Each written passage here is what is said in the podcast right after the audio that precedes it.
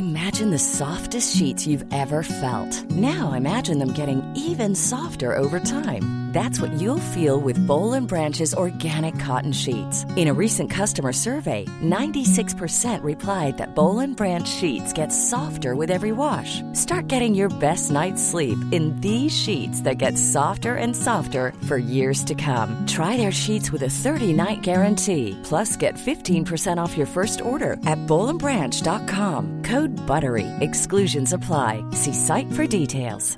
Quality sleep is essential. That's why the Sleep Number Smart Bed is designed for your ever evolving sleep needs. Need a bed that's firmer or softer on either side? Helps you sleep at a comfortable temperature? Sleep Number Smart Beds let you individualize your comfort so you sleep better together. JD Power ranks Sleep Number number 1 in customer satisfaction with mattresses purchased in-store. And now, save 50% on the Sleep Number limited edition Smart Bed for a limited time. For JD Power 2023 award information, visit jdpower.com/awards. Only at a Sleep Number store or sleepnumber.com. Even when we're on a budget, we still deserve nice things. Quince is a place to scoop up stunning high-end goods for 50 to 80% less than similar brands. They have buttery soft cashmere sweaters starting at $50, luxurious Italian leather bags, and so much more. Plus, Quince only works with factories that use safe, ethical, and responsible manufacturing. Get the high-end goods you'll love without the high price tag with Quince. Go to quince.com slash style for free shipping and 365-day returns.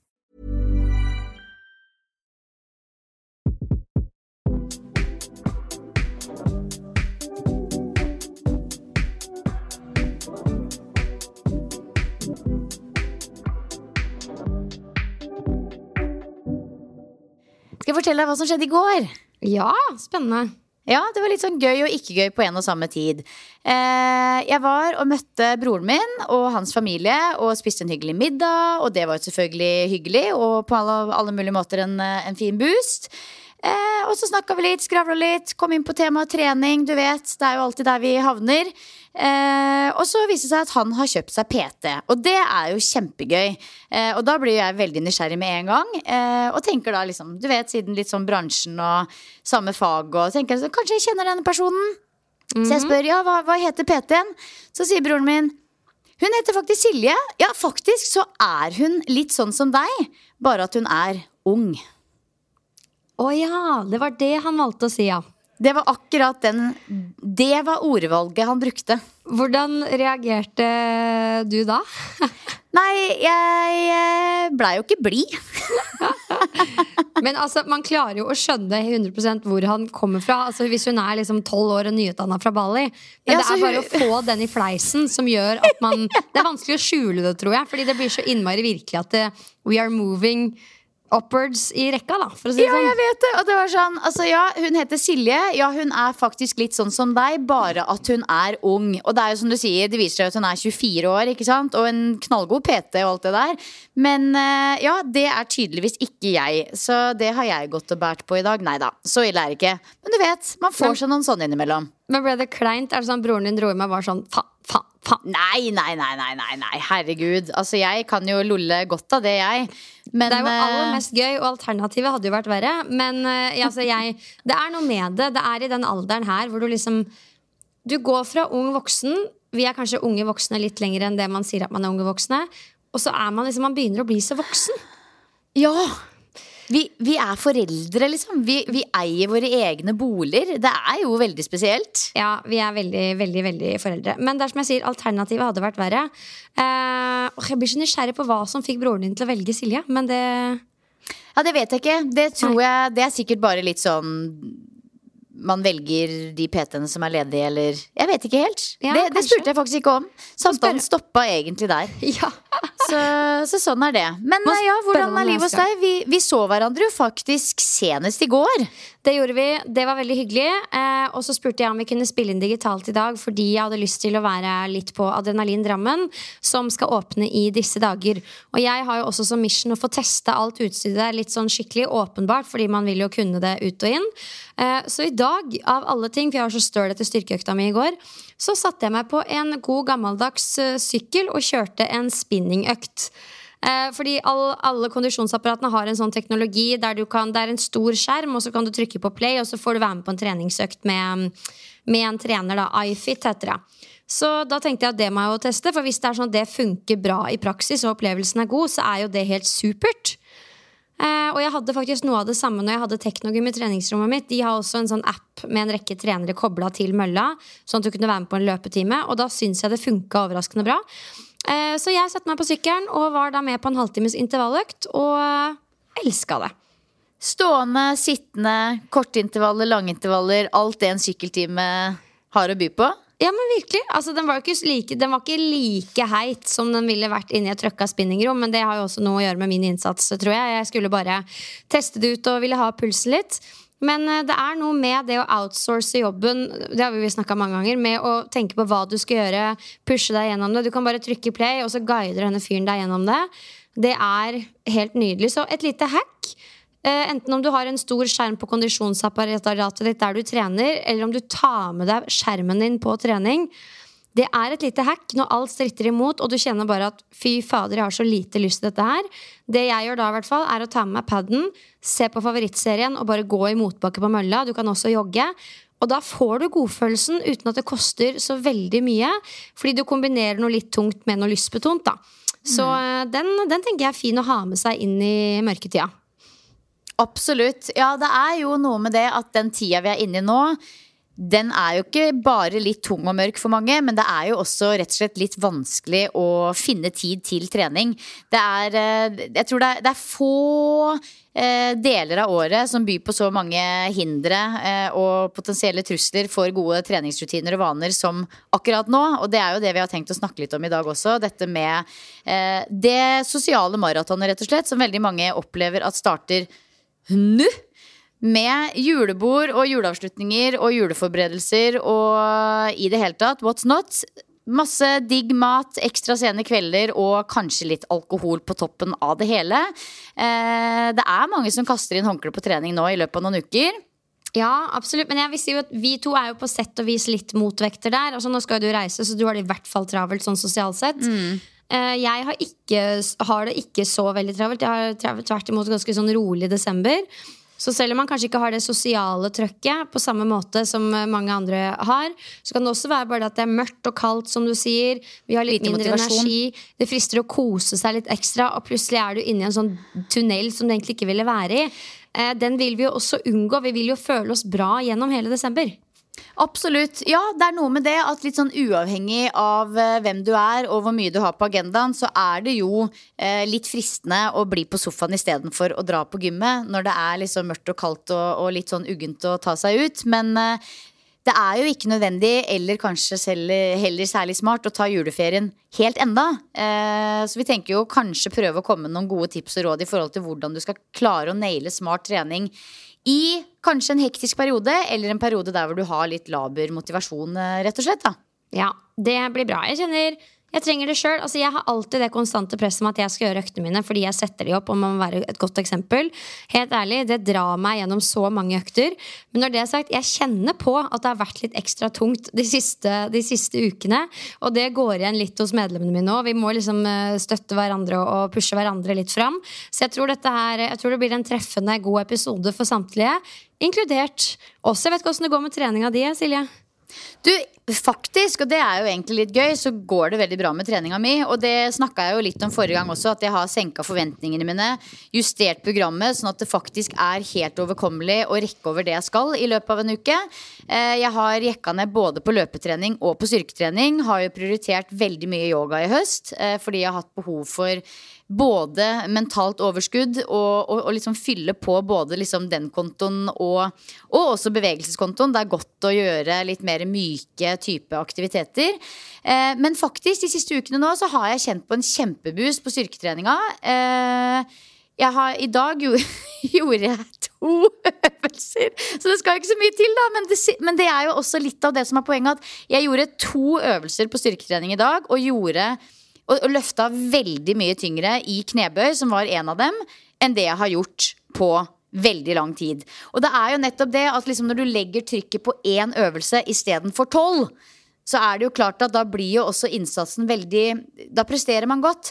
Så det er klart at eh, det er jo ikke Det er sikkert veldig mange der ute som bare er helt sånn Hvorfor i alle dager bruker man tid på å trene to øvelser? Men for meg, det er der jeg er nå. Og fordi jeg har senka forventningene og krava, så syns jeg det går veldig bra på trening. Og jeg har en, en, god, god boost. Men når det er sagt, så er jo jeg en av de som ser at uh, det er mange trusler for de faste rutineøktene mine nå eh, framover. Jeg har eh, julebord på lørdag, eh, middag på Savann faktisk på mandag med, med, med jobben og et, en annen eh, sosial middag hjemme hos meg med venner på torsdag. Og det er, liksom, det er tre sånne litt sånn store, sene kvelder på en og samme uke. Og da sier det seg sjøl at det er noen treningsøkter som kommer til å, om ikke vike, så kommer de til å se helt annerledes ut. Så jeg må være litt eh, jeg, må, jeg, er en av de som må liksom planlegge litt hvordan jeg skal løpe det terrengløpet der og få det til, rett og slett. Men hvordan tenker du da når du har tre sånne happenings, når du går inn i det? Går du inn med hud og hår og er sånn I'm gonna enjoy this like there's no tomorrow? Eller er du liksom litt sånn analytisk i forhold til hvor og hvordan du skal legge inn kruttet med tanke på energinivå ellers i uka? Og treninga? Eller sted midt imellom? Altså, no, noen av de er på en måte litt sånn tilrettelagt for meg. Det er f.eks. mandag. Denne ene, da skal vi på Savann. Det blir god mat, mange retter. Garantert eh, mange enheter med alkohol også med disse måltidene. Men der har jeg ikke egentlig muligheten til å være både verken sent ute eller drikke mange enheter, fordi jeg har gruppetimer dagen etter. Og det er jeg på en måte litt glad for, fordi da begrenser det seg selv. Men uh, når det er tre sånne type ting på én uke, så er det aldri sånn at jeg jeg går all in og jeg kommer hjem klokka tre alle de tre gangene. Da, det, da, velger jeg meg ut den ene, og så har jeg det litt ekstra gøy da. Og så koser jeg meg bare eh, med litt sånn begrensa seng... Eh, altså litt grann mer fornuftig sengetid og, og litt færre alkoholenheter på de andre. Ja. Det er umulig å kjøre full pupp eh, tre ganger i uka uh, når du er tross alt ikke ung, sånn som meg. Herregud. Jo, nei, ja, er, alt er jo mulig, men det har sin meget høye pris, da. Det ja. kan vi jo være ærlige om. Uh, men hva tenker du om uh, at treninga lider litt nå for din del i desember? da? Hva er dine personlige tanker om det? Er det liksom noe poeng når det blir såpass halvveis, sånn som den indre dialogen vår fort, fort, kan si til oss når vi må løse det sånn? Ja, jeg syns jo det jeg vet jo at veldig mange har den der enten-eller-tankegangen. Eh, og at det på en måte bare ikke er mulig å forene. Men for min del så gir det meg både godfølelse å dra på fest, og det gir meg godfølelse å dra på trening. Så for meg så er det veldig viktig å få til begge deler, om det så blir litt halvveis. Eh, og jeg føler jo at eh, både jeg og veldig mange andre er jo veldig, veldig flinke til å trene jevnt og trutt ellers. Eh, men jeg er også veldig opptatt av å prøve prøve å være flink til andre ting. Være flink til å takke ja til hyggelige begivenheter. Være flink til å være sosial, være flink til å ta vare på vennskap. Være flink til å møte opp når det skjer noe hyggelig og litt ekstra. Og derfor så, så, er begge deler eh, like viktig for meg, egentlig. Og jeg syns det er et poeng å både takke ja til festlige ting og prøve å gjøre noe type trening, selv om det kanskje ikke blir helt sånn som det pleier. Absolutt. Og jeg tror det er viktig å tenke på den tida vi går inn i nå, som at det er utfordringen vi står ovenfor. Det handler ikke om å prøve å få til perfekte økter eller å snike seg unna festen sånn at man er 100% dagen etter, men heller se hvordan du kan legge opp ukedagene dine og helgene sånn at du får en god følelse oppi det hele. Og for noen så innebærer det å løse det sånn som Silje, for andre innebærer det å ta seg en fest fullt ut og legge liksom lista på treninga helt ned. Andre trives med å kunne trene tilnærma likt som før. Men, eh, men, jeg bare tror det er viktig å tenke at veldig god trening i et treningsliv er å gå litt ekstra inn for å balansere det ene med det andre og være raus med seg selv og tillate seg selv å leve et liv da, og la livet ta litt større plass. Og det skjer gjerne nå i desember, og det skjer i sommermånedene og litt rundt påske. Det er liksom bare tre ganger i året hvor det er lagt opp til eh, at det, det, skal være litt sånn, og det skal man embrace, i hvert fall hvis man kjenner at man har lyst til det. Ja, det er noe med det. Eh, og så tror jeg også, ikke sant, vi er jo litt sånn vi er jo litt sånn livredde for å plutselig ha veldig lavt body battery. ikke sant? Er der, der, er vi jo nå alle sammen. At vi følger jo denne klokka slavisk. Og, og med en gang vi ser at åh oh, nei, nå har jeg lavt body battery, og nå har jeg ikke hvilt nok, og alt dette her, så blir det liksom Da friker man helt ut. Og det er en veldig fin pekepinn på at nå må du roe ned, liksom. Eh, og fylle på. Men det er jo nettopp det som er så fint, at jeg er ikke så veldig redd for å liksom eh, ha det litt ekstra gøy, bli litt ekstra sliten, fordi jeg har gode verktøy og vet at det er veldig enkelt å fylle opp igjen. Eh, lagerne Det er liksom snakk om et par dager, og så er du oppe og nikker. Det er ikke noe farlig å være litt sliten og på felg en gang iblant. Det er ikke noe farlig å være oppe litt lenger enn vanlig en gang iblant. Nei, det husker jeg han Johanna Hector sa til meg. For når vi var på Mastermania i Trondheim eh, jo, Nå har jeg brukt dette Whoop-bandet en stund, som er ja, tilnærma noe à la Garmin sin måte å måle body battery på. Bare mye mer fokus på søvn og restitusjon og hele den pakka der. Mm. Um, og hun hadde, hun hadde, brukt det ved Whoop-båndet i liksom nesten ti år.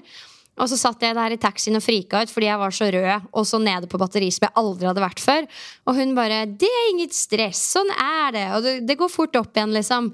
Så ja. nummer én, hun normaliserte det å ha et lavt body battery. Sånn skal du være. Du skal kjenne litt på det innimellom.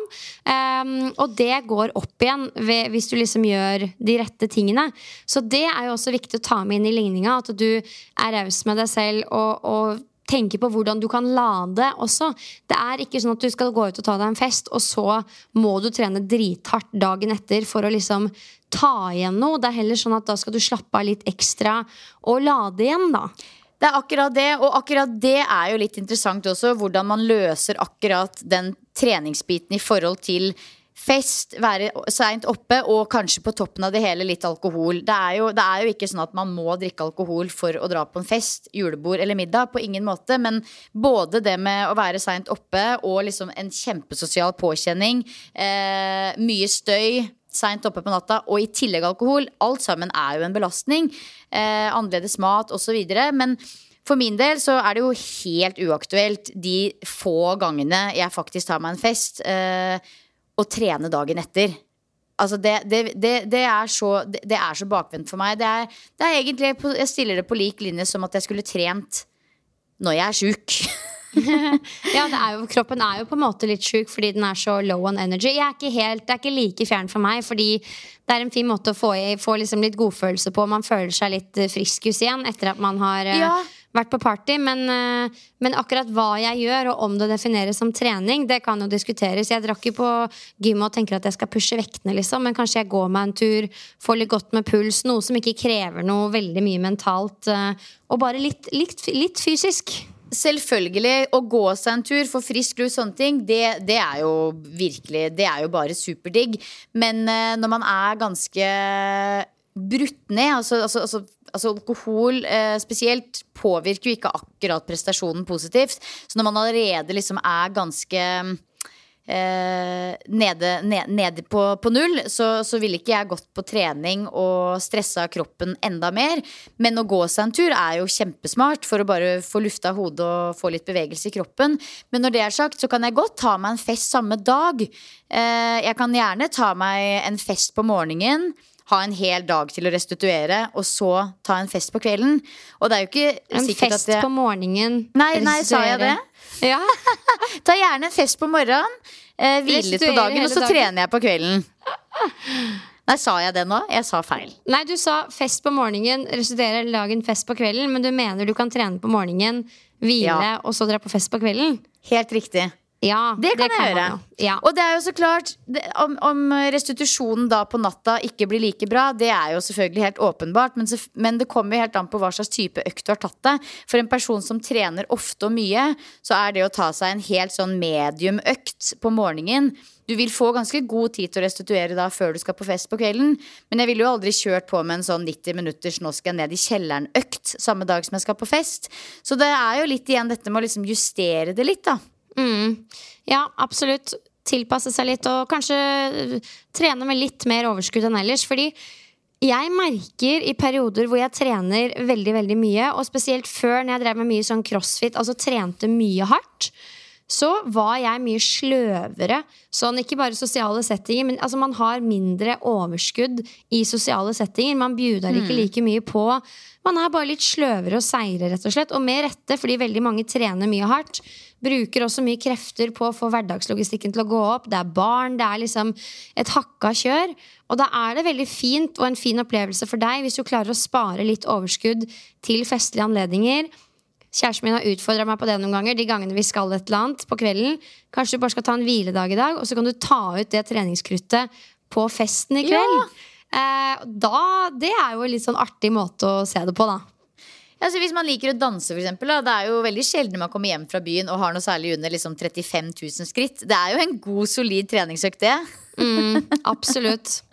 Så ja, jeg tenker jo at det er, det er litt sånn der, det er umulig å altså jeg, at fest og moro, sene kvelder og i hvert fall alkohol ikke er noe spesielt bra for prestasjon, trening eh, og ikke minst utbytte på trening. Det er på en måte helt sånn Det er nesten ikke noe vits å diskutere det. Alle er, det er bred enighet om at det ikke er noe sånn kjempesuperkombo.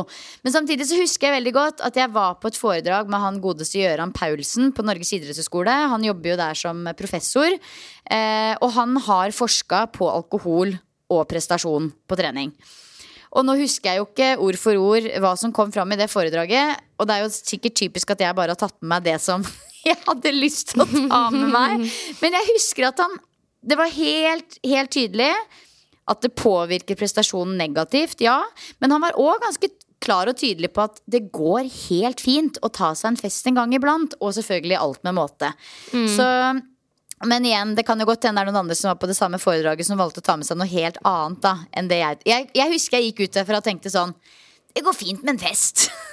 jo, men altså, jeg har en uh, artikkel foran meg der de intervjuer annet Gjøran. Det er fra en podkast uh, i regi av NIH, faktisk. Og der er et av sitatene at selv en ganske stor dose alkohol hadde liten effekt både på kraft og fysiologiske parametere ellers.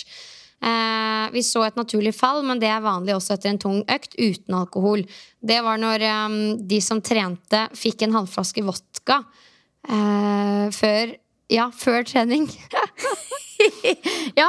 ja. han har rett og slett brukt eh, studert eh, alkohol og prestasjon og trening. Ja, Formålet var å sjekke hvordan utrent muskulatur ble påvirket. Eh, deretter trente de seg gjennom et, et sett tradisjonelle øvelser før de fikk noe å drikke, med gradvis mer alkohol i hver av fire slike treningsrunder. Ja, så De kombinerte alkohol med trening og så hvordan det påvirka bl.a. proteinsyntesen og andre ja. effekter. Eh, og man så jo at alkohol svekker effekten av styrketrening. For det er denne proteinsyntesen, eh, proteinoppbygginga, som foregår i alle celler, den går litt saktere. Mm. Og Derfor vil effekten av selve treninga bli litt dårligere, men det er relativt. For det handler jo om et dose-responsforhold på mengde og hyppighet av inntaket. Så det er som du sier, en fest i ny og ne har ikke en dritt å si. Men hvis du liksom drikker relativt mye til gangs jevnlig i løpet av uka, ja. eh, så er det jo litt verre. For da har du liksom da hele tiden kroppen alkohol og måtte behandle ja. og jobbe med, da. Ja, Så det er liksom noe med det at uh, hvis det er noen der ute som har lyst til å ta seg en ordentlig fest, men tenker at de ikke ønsker å gjøre det fordi det kan påvirke treninga, så er det ikke sånn at alle de treningsøktene du har lagt ned hele høsten, går til dundas fordi man tar seg noen fester i desember. Det er bare viktig å påpeke, og så er det sikkert andre som også er veldig opptatt av at, på, at vi burde påpeke at man ikke trenger alkohol for å ta seg en fest. Det er helt riktig, men det er også eh, ikke til å skyve under en stol at de aller fleste julebord har en god del høye inntak av alkohol. Så derfor så må det være lov å snakke om det òg. Ja, gud a meg. Men uh, hvis vi skal uh, runde av den delen her med noen konkrete tips, da. Uh, hva kan folk gjøre for å angripe desember på en god, smart måte som ivaretar både matrutiner, men også treningsrutiner på en god måte? Ja, altså for min del så tenker jeg jo at uh, det handler jo litt om å liksom se uka for seg litt før du står oppe i uka. Uh, litt sånn som jeg vet at nå, nå, starter det for meg på lørdag, og da er det liksom en sånn tidagersperiode med litt, uh, litt utfordringer i forhold til å, å få det til. Men da må man bare være føre var. Se, se, se, litt sånn fugleperspektiv på kalenderen. Hvor, hvordan kan jeg plotte inn øktene litt annerledes enn ellers? Og kanskje også i forhold til, eh, til å være tidseffektiv.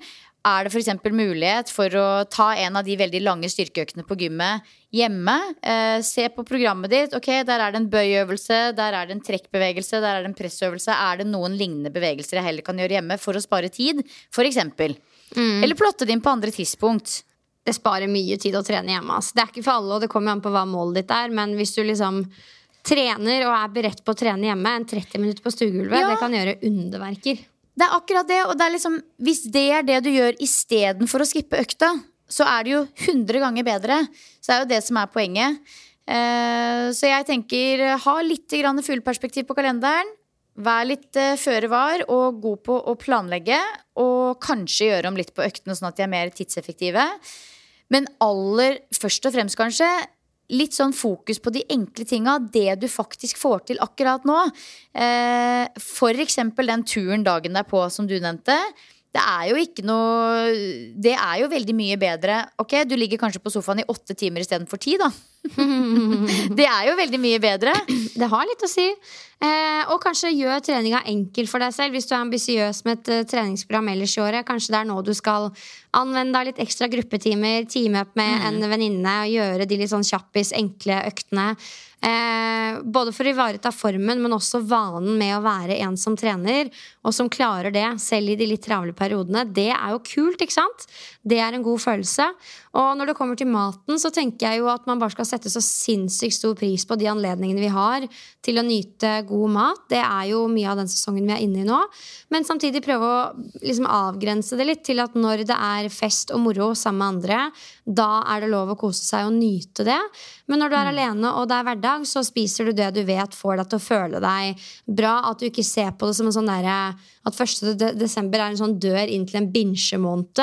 Ikke fordi det nødvendigvis er problematisk, men altså, let's be real, det er ingen som føler seg dritbra etter en desember eh, som har gått helt av alle støvelskaft. Det, det er jo ikke noe ålreit i etterkant. Det er ikke det. Men det er uh, Man skal virkelig sette pris på de anledningene som det er uh, hyggelig å være sammen litt ekstra god mat. Det skal gjøres med, med, glede. Og det er veldig viktig å huske på at helse er så sykt mye mer enn trening. Helse er nok søvn, nok bevegelse, men ikke minst relasjoner. Det er faktisk noe av det som gjør at vi er aller, friske, aller mest friske. Altså, Isolasjon og ensomhet det er det ganske høy dødelighet på, faktisk. Det her er det forska masse, masse, på i psykologien. Og den perioden vi går inn i nå, er en fin anledning til å pleie relasjoner og kanskje steppe opp gamet på den sosiale fronten. Så man skal ikke selvfølgelig være med på ting hvis det bare blir slitsomt. Det er lov å takke nei til ting også, men uh, ikke gjør det fordi du har lyst til å leve treningsliv isteden, på en måte. Nei, fordi uansett hva slags prosess du er inne i, og hva du holder på med, så skal det aldri gå 100% på bekostning av livet du lever ellers. Så det er en del av utfordringen din å få det treningsprosjektet du holder på med, til å stemme overens med resten av livet ditt. Og hvis, du, hvis det er total krasj, så er det et eller annet du må finne ut av å endre. Fordi det skal ikke være så, så vanskelig mener i hvert fall vi, da, for oss vanlige treningsfolk. Og vi sier det også fordi det er viktig å minne oss på det noen ganger. Eh, fordi vi fort graver oss ned et kaninhull med veldig fokus på å skal bli bedre og sterkere. og hele den biten her. Snakk for meg selv også. Så jeg må ofte ta meg selv litt i nakken og minne meg selv på at ja, dette er gøy og moro, men livet handler om andre ting også som det skal være plass til. da. Ja, det handler om så mye mer. Så igjen, som jeg har sagt før, trene for å leve og ikke leve for å trene. Yeah.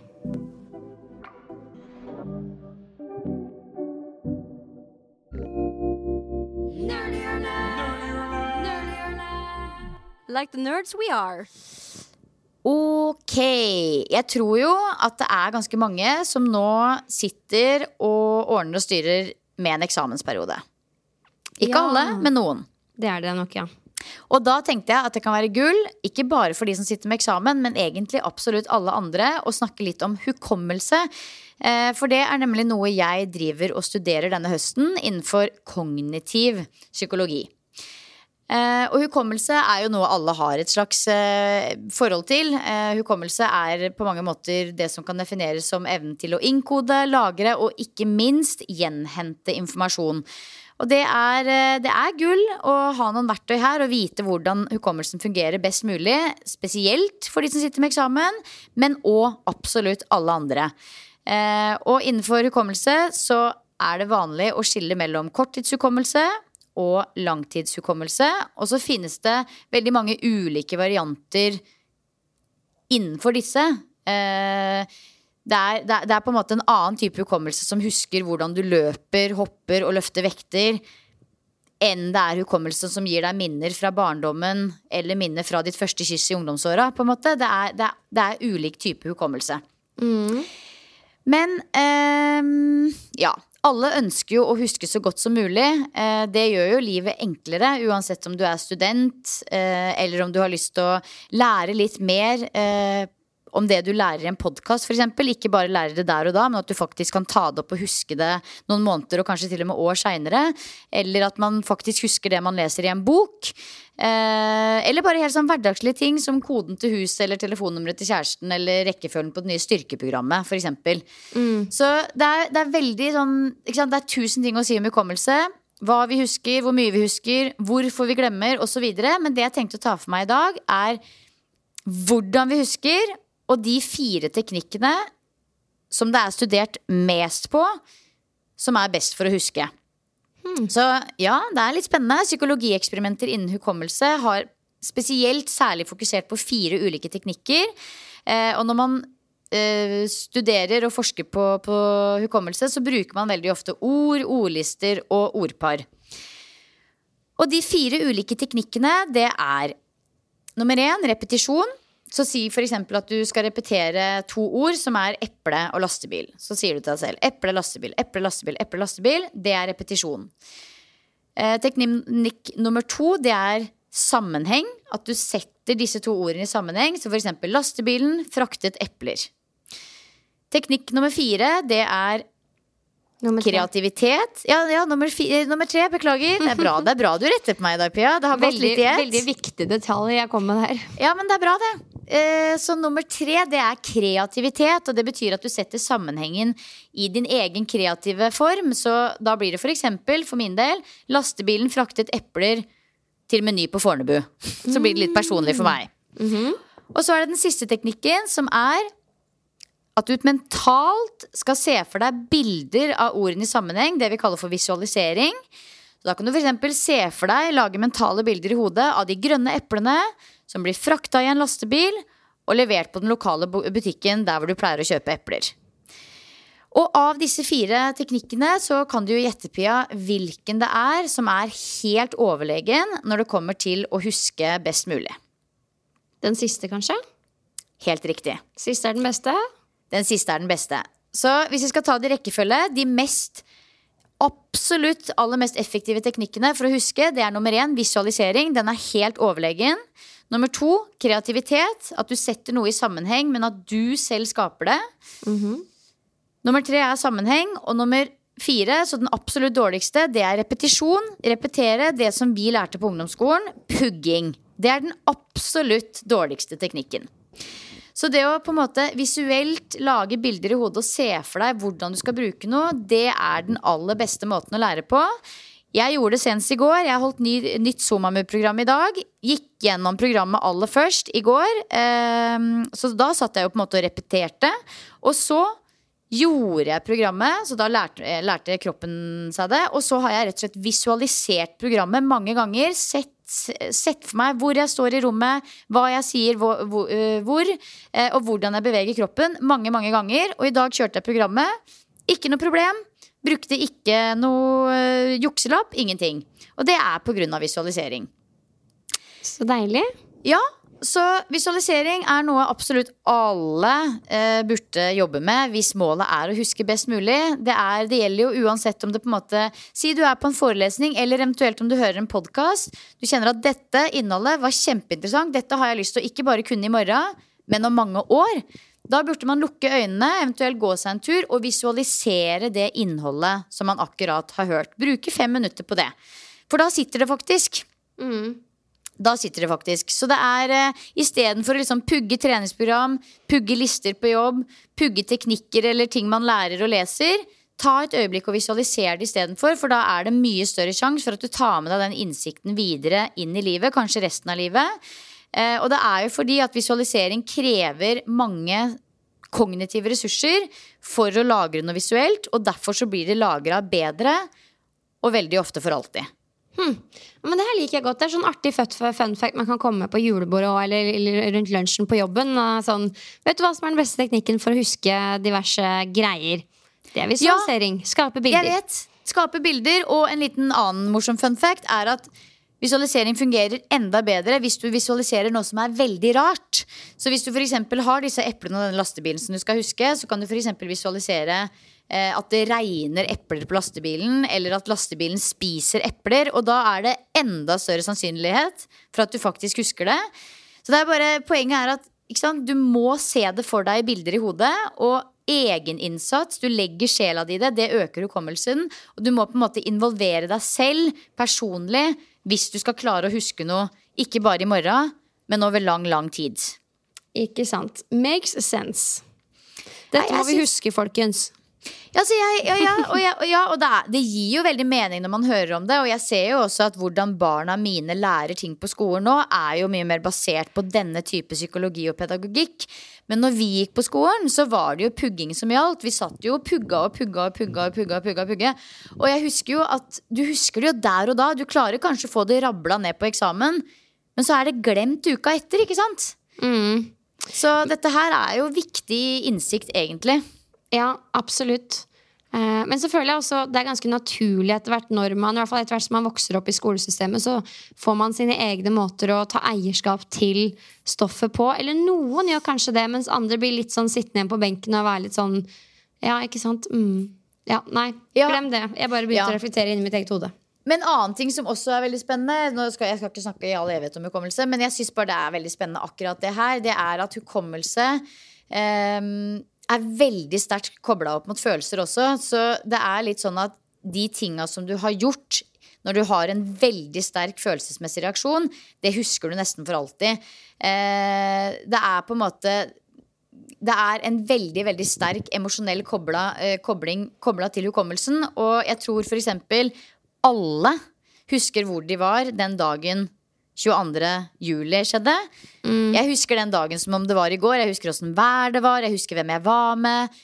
Altså Jeg husker alle detaljer. Eh, og det samme er jo litt sånn store Dager med store emosjonelle inntrykk når noen dør, f.eks. At man mister noen. Eller at man gifter seg. Sånne type ting. Det, det hus man husker ekstremt mye rare detaljer fra de veldig, veldig emosjonelle dagene, da. Mm. Absolutt. Det Hvor var du 22. juli?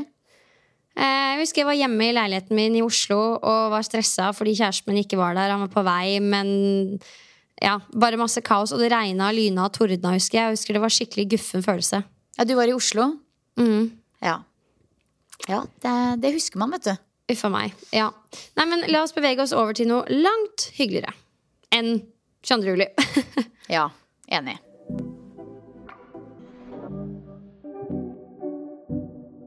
Du, jeg har jo hatt et par Oslo-dager denne uka, og senest i går så var jeg innom God morgen Norge og fikk snakke om trening for gravide. Det var kjempehyggelig. Eh, og etter det så gikk jeg på Sats Nationaltheatret for å ta meg en økt. Har du vært der før? Nationaltheatret. Det Nei. ligger liksom, nei, det ligger rett over gata når du kommer ut av, av togstasjonen. Og Ja, ja, ja. På hjørnet der. ja, Ja. Jeg har ikke vært der. Nei, De hadde i hvert fall pussa opp siden sist jeg var der. Og det er lenge siden. det er mange, mange, mange år Og det var så positiv overraskelse, for det var blitt så fint og så plasseffektivt der. Eh, men uansett, jeg satte i gang med styrketreninga mi, dura på. Og så var det altså en fyr ved siden av meg som løfta så tunge vekter i trap bar med markløft. Og det i seg selv er jo veldig sterkt, men han var ja, nå skal ikke jeg si gammel mann, men han var en eldre fyr. da Så kom det fram etter hvert at han var 73 år. Um, så ja, men jeg måtte bare til slutt, til slutt si til han liksom sånn Herregud, det der er veldig imponerende. Så sterk du er. Men det er alltid litt rart, Fordi at du vet ikke helt hvordan du skal si det. Det blir jo som å si du løfter tungt å være gammel. Men det var, det var tungt Ja. på generelt grunnlag. Men det er jo fortsatt Jeg syns bare det er så sinnssykt kult å se en eldre fyr være der, løfte tungt, bruke kalk, ha på belte. freshe Nike Metcons. Jeg bare You are the boss. Eh, Så da tenkte jeg herregud, heller gå over til å si det enn å ikke si det. Så jeg gjorde det, da, og det ble jo bare en så hyggelig prat. Vi snakka om knebøyen og hvorfor jeg syntes det var litt vanskelig, hvorfor han syntes det var tungt. Og, men vi var veldig glad i trap-barn begge to. Altså Det ble den gode, hyggelige samtalen på et senter. Og det jeg snakka om før, at jeg prøver å liksom være flinkere til å ja, slå av de pratene. Hvis jeg brenner inne med noe, så skal jeg lufte det, og det gjorde jeg. Og det ga den gode boosten. Så boosten var egentlig at det var en boost praten i seg selv. Og også det å se såpass eldre mennesker være på et senter. Og det minner meg på at um, det er der jeg også skal være når jeg er 73 år. Løfte tungt, Nike Metcons og bare være fly as shit, som han Ja. fyren der var. Det er jo en nydelig sosial arena. Men jeg blir nysgjerrig. Dere snakka om knebøy. Hva, hva snakka dere om da? Nei, dybde og sånn. eh, For han sa Ja. ja, jeg er sterk i trap-bar her, men eh, jeg syns knebøy er vanskelig, så der må jeg jobbe til benk. Og det gjør jeg nå også, så jeg bare ja, jeg òg. Det er så deilig å slippe å gå helt ned. Så der bonda vi, da. Altså jeg, nå, kommer det, nå, nå får jeg en gyllen mulighet til å skryte litt av meg sjøl. eh, for jeg fortalte jo innledningsvis om denne syke økta mi som besto av to øvelser i dag. Der en av de var knebøy. I fjor høst så husker jeg at da trente jeg ditt eh, styrketreningsprogram, og jeg testa fem RM. Husker du det? I dag trente jeg aleine. Hadde på samme ki antall kiloer som jeg hadde da jeg testa fem RM i fjor, hvor den siste var eh, kanskje ikke helt godkjent. Klarte åtte alene. Wow, Med så god kult! dybde. Og det syns jeg er ganske god fremgang på ett år. I en Absolutt. øvelse som knebøy. For en som trener så mye og har gjort det så mange år som deg, så er jo det helt rått. Ja, Så det var en kjempeboost. Altså. Det var nesten litt sånn at jeg måtte gå på sida av stanga og titte litt etterpå. Men det er igjen, da. Det er magien av å ikke ha 100 øvelser på samme muskelgruppe i ett og samme program. Ja, absolutt. Jeg prøver å si det både til meg selv og sterkere-gjengen nå som vi skal inn i desember. Mye skjer, mange stresser med å ikke få gjort alt. Så er jeg sånn Det viktigste er ikke at man alltid får gjort alt, men at man bare gjør så godt man kan på de øvelsene man velger, da, og heller legger fullt fokus på de. Mm. Eh, men herregud, hva var din buss? Kanskje det var knebøyen? For det var jo en Ja, det, var, altså, altså, det er det som er at Jeg har altså så mange boost. Jeg tenkte på det i bilen på veien hit. Hvem skal jeg velge? Men det blir en av de som skjedde sist. Og det var i går. Eh, for da hadde jeg litt sånn bitte litt lugga litt i venstre hofte. Og min venstre hofte, det er vi er vi, det er noe, Jeg har ikke noe vondt, men den er veldig stram sammenligna med høyre. Og det gir meg litt utfordringer i en del yogaposisjoner. Og det er liksom alltid litt sånn derre blæ inni den venstre hofta. Og så når jeg kom hjem, så liksom la jeg meg ned og tøyde litt og holdt på. Og så spurte jeg om Gart kunne komme og gi meg en sånn liten albuemassasje. Eh, Så jeg la meg på en måte på sida i fosterstilling med rumpa mot han. Og den ene tingen førte til den andre. Nei, Og så kommer han og legger all vekta si over, da og liksom albuer godt inn i, liksom, i skinka. Hvis du skjønner? ja. Og så gjorde han det, og det var godt og vondt på samme tid. Og så slapp jeg en, ikke en fis, men en skikkelig promp.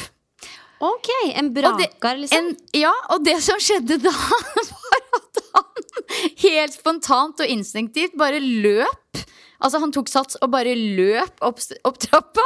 For han torde tydeligvis ikke å være nede i uh, vår kjellerleilighet med det som han kalte for et jordskjelv. Ok. Em, og det her førte jo til at jeg hadde latterkrampe alene i sånn jeg, jeg tipper det var opp mot syv minutter. Å, herregud, det er gøy! Og for en glede det er å ha Å, det er så deilig! For det var sånn at jeg liksom gang på gang måtte jeg bare sånn «Åh, Nei, nå er jeg ferdig, nå er jeg ferdig. Og så bare kom det igjen, liksom. Jeg, altså, jeg var så utslitt og sliten og hadde så sykt latterkrampe. Og det var så deilig å ha latterkrampe. Eh, og jeg hadde faktisk latterkrampe sammen med Sølve òg for et par uker siden, da vi satt på flyet hjem fra Mastermania. Og da også var vi jo drittslitne. Det var søndag kveld, vi hadde hatt 1000 timer, hadde sovet null og nada. Høyt spenningsnivå fire dager på rad. Og da satt vi på flyet hjem og satt og prata. Vi var til og med ganske inne i en sånn ganske sånn dyp eh, emosjonell prat. Og så kommer det en fyr bakover i, flyet som skal på do. Og så har han kulepenn i hele panna! og da knakk jeg helt sammen, for han stakkars fyren her visste jo ikke at han hadde det. Og han var jo på do i en evighet, liksom. Satt og jobba så hardt med å få vekk den kulepennen med sikkert såpe inne på det lille do Men hvordan kan han ha fått det? Nei, han har jo sikkert, han har sikkert jobba med en penn som har uh, lekt, eller noe. ikke sant? Han hadde kulepenn i hele panna. Men da også hadde jeg latterkrampe. Sånn, sånn ekte, sånn at det gjør vondt i magemuskelen. Latterkrampe. Og det er, det er verdens beste følelse. Det er faktisk det. Og det er det noe vi skal oppfordre til på slutten av episoden i dag, så er det å jage latterkrampene i desember. Ja, og det er jo det. Når man er på julebord, så blir det jo ofte også noen Da må man bare, Hvis man kjenner at nå er det på gang, nå skjer det noe, er det, da er det bare å kaste seg ut i det. Gi slipp på alt. Ser stygg ut, vræle ut. Ligge i fosterstilling og hyle og le. Det tror jeg virkelig vi har veldig godt av. Ja, ja, light that fire altså det, Og det er virkelig verdens beste følelse. Du føler deg så fri og så glad. Og det å kunne gjøre det sammen med andre i tillegg, det er, eh, det er lykke. Altså, det skal man ikke kimse av. Samtidig som det var ganske digg å ligge aleine i kjellerstua med det jordskjelvet. Etterdønningene. Det er gøy. Le helt aleine òg. Det var nydelig. Ja, nei, det, så hvis man har lyst til det, slipp en brakar, gjerne sammen med kjæresten din. Sånn at du kan få lættis, du òg. Ja, ja, det er moro. Ja, deilig. Nei, så der er jeg. Det var jo mye faglig innhold på slutten her. Heldigvis. Mm. Ja, men Det er sånn desember Eller vi er ikke i desember helt ennå, men snart, da. Og den uh, perioden vi har foran oss, den blir litt sånn uh, ja, Nei, vi skal jo ha faglig innhold, og vi skal ha fokus på alvor, men samtidig, nå er det desember, fest og moro. Absolutt. For det vi skal snakke om neste uke, det er jo en intervall. Mm. Dette her eh, gleder jeg meg litt til, fordi eh, Skal vi se Altså, jeg driver jo og løper disse fire ganger fire-intervallene mine. Det gjør jeg jo. Ikke, eh, hva, hva, går det ut på? Fire ganger fire. Nei da, vi skal ikke gå gjennom det. Men i hvert fall, vi skal snakke litt om eh, forskningen på en ny og spennende intervall. Kanskje ikke så nytt og spennende, men en litt annen eh, variant enn det kanskje mange er vant til. Ja, det blir bra. Og så blir det mm. en sjekk-in på vår egen trening, og inspirasjonen kommer til å flyte bra i hele desember. Ja, absolutt. Og med det så tenker jeg at vi ønsker deg som lytter en nydelig uke, og så poddes vi igjen om en uke. Helt riktig. Ha en fantastisk sporty og fin, nydelig uke med masse fest, moro og kanskje noen latterkramper. Yeah.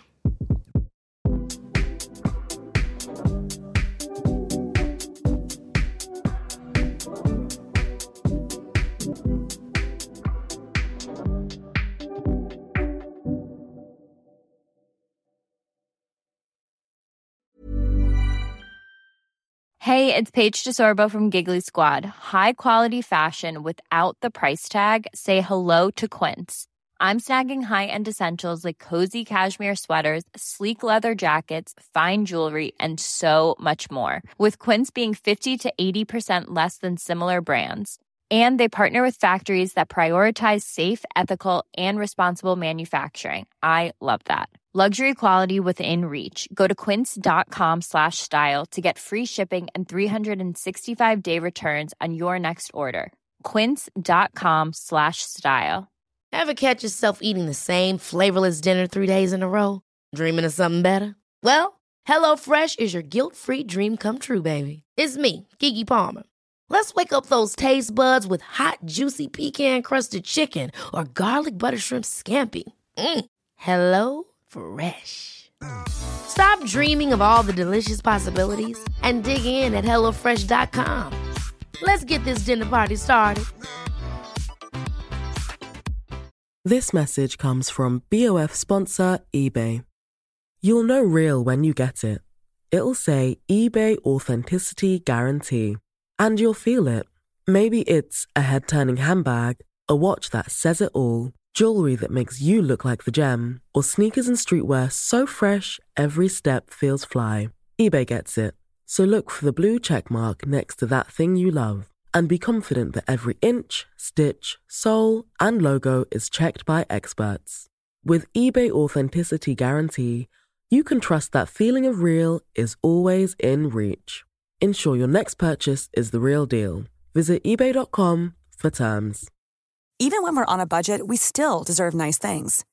Quince is a place to scoop up stunning high end goods for 50 to 80% less than similar brands. They have buttery soft cashmere sweaters starting at $50, luxurious Italian leather bags, and so much more. Plus, Quince only works with factories that use safe, ethical, and responsible manufacturing. Get the high-end goods you'll love without the high price tag with Quince. Go to quince.com slash style for free shipping and 365-day returns.